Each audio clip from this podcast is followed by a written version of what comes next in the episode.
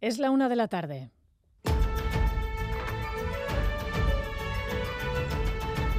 Crónica de Euskadi con Aichiber Bilbao.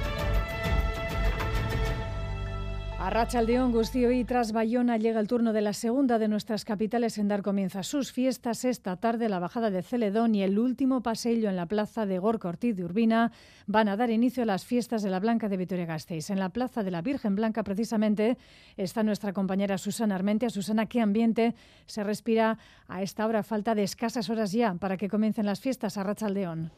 A Rachaldeón sí ya se respira fiesta y mucha, falta de cinco horas para que baje Celedón, un año especial porque será el último para Gorka Ortiz de Urbina, que tras 21 años dejará de dar vida al aldeano de Zalduendo. A esta hora muchos gastistarras se juntan para comer en chocos y sociedades gastronómicas y venir poco después a la Plaza de la Virgen Blanca, donde, por cierto, estará prohibido entrar con vidrio. A las 6 de la tarde, chupinazo a cargo este año del Deportivo Alavés y de su afición.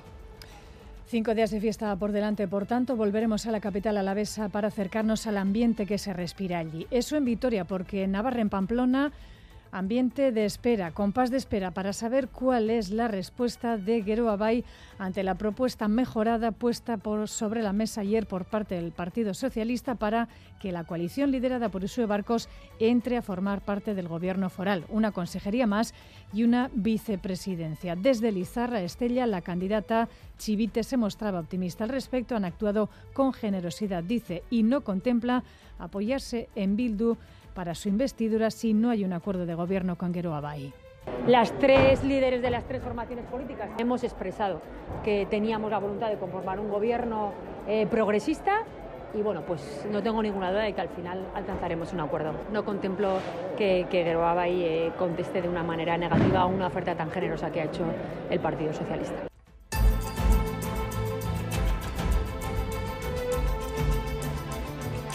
Y Osakidecha se ha hecho eco del malestar de las y los opositores a la próxima OPE en el Servicio Vasco de Salud por las colas que estamos viendo estos días para la presentación personalmente de documentos que cientos de personas, como decimos, están haciendo estos días y amplía horarios para la recepción de esa documentación, José Luis Fonseca. Sí, se amplían horarios y se simplifican trámites desde el próximo lunes día 7. El horario será de 8 de la mañana a 5 de la tarde. En cuanto a la recogida de documentación, será más simple, con un sistema de entrega que hará posible que la persona con documentación para varias categorías solo tenga que entregarla en una, en una única ocasión. Y si solo deben entregar copia de su DNI, no estarán obligados y será Decha quien realizará la petición de entrega de ese documento si es necesario.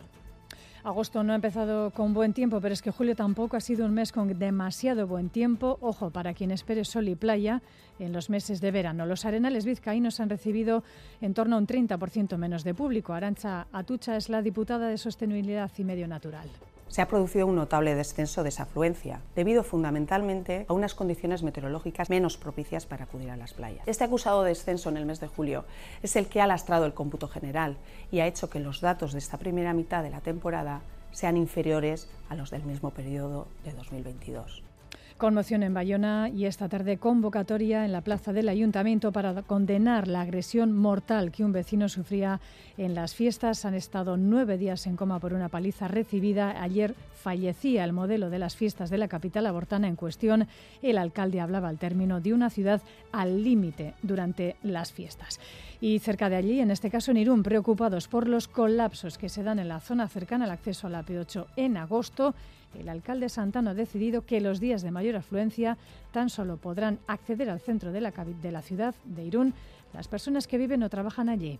Pues llegará, en función de los escenarios que tengamos, podría llegar a cerrar algunos accesos a Irún para que nadie salga, nadie tenga la tentación de, salir de, la autopista, porque realmente, bueno, a veces crees que vas a cortar y realmente lo que haces es meterte en una ratonera, ¿no?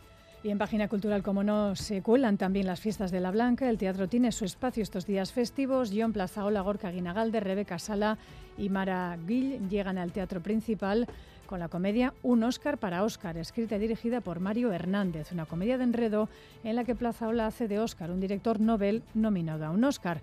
La trama transcurre en un motel en Los Ángeles, en el momento anterior y posterior a la gala, una comedia con un espacio también para la reflexión. Habla de las miserias humanas, todos los personajes de esta obra tienen un punto oscuro, un punto miserable y la verdad es que también habla sobre todo de todo lo que estamos dispuestos a sacrificar nosotros para conseguir nuestras metas y nuestros sueños. Y si de verdad es necesario sacrificar tanto para conseguir algo, dejando pues eh, cosas tan valiosas en el camino como amor, amistad y demás cosas.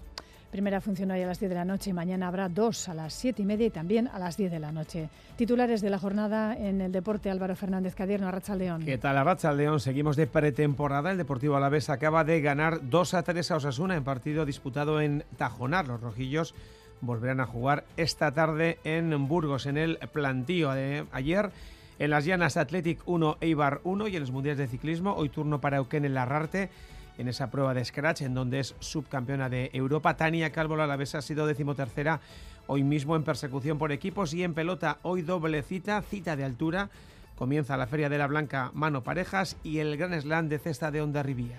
En cuanto al tiempo de cara a las próximas horas, las precipitaciones van a ir remitiendo, aunque los cielos van a continuar encapotados en Vizcaya y en Guipúzcoa. Las zonas del sur de Araba y Navarra se van, abriendo, se van a ir abriendo amplios claros conforme avancen las horas. Las temperaturas algo más bajas que ayer. Tenemos ahora 21 grados en Bilbao, Donostia y en Bayona, 17 en Vitoria-Gasteiz y 16 en Iruña.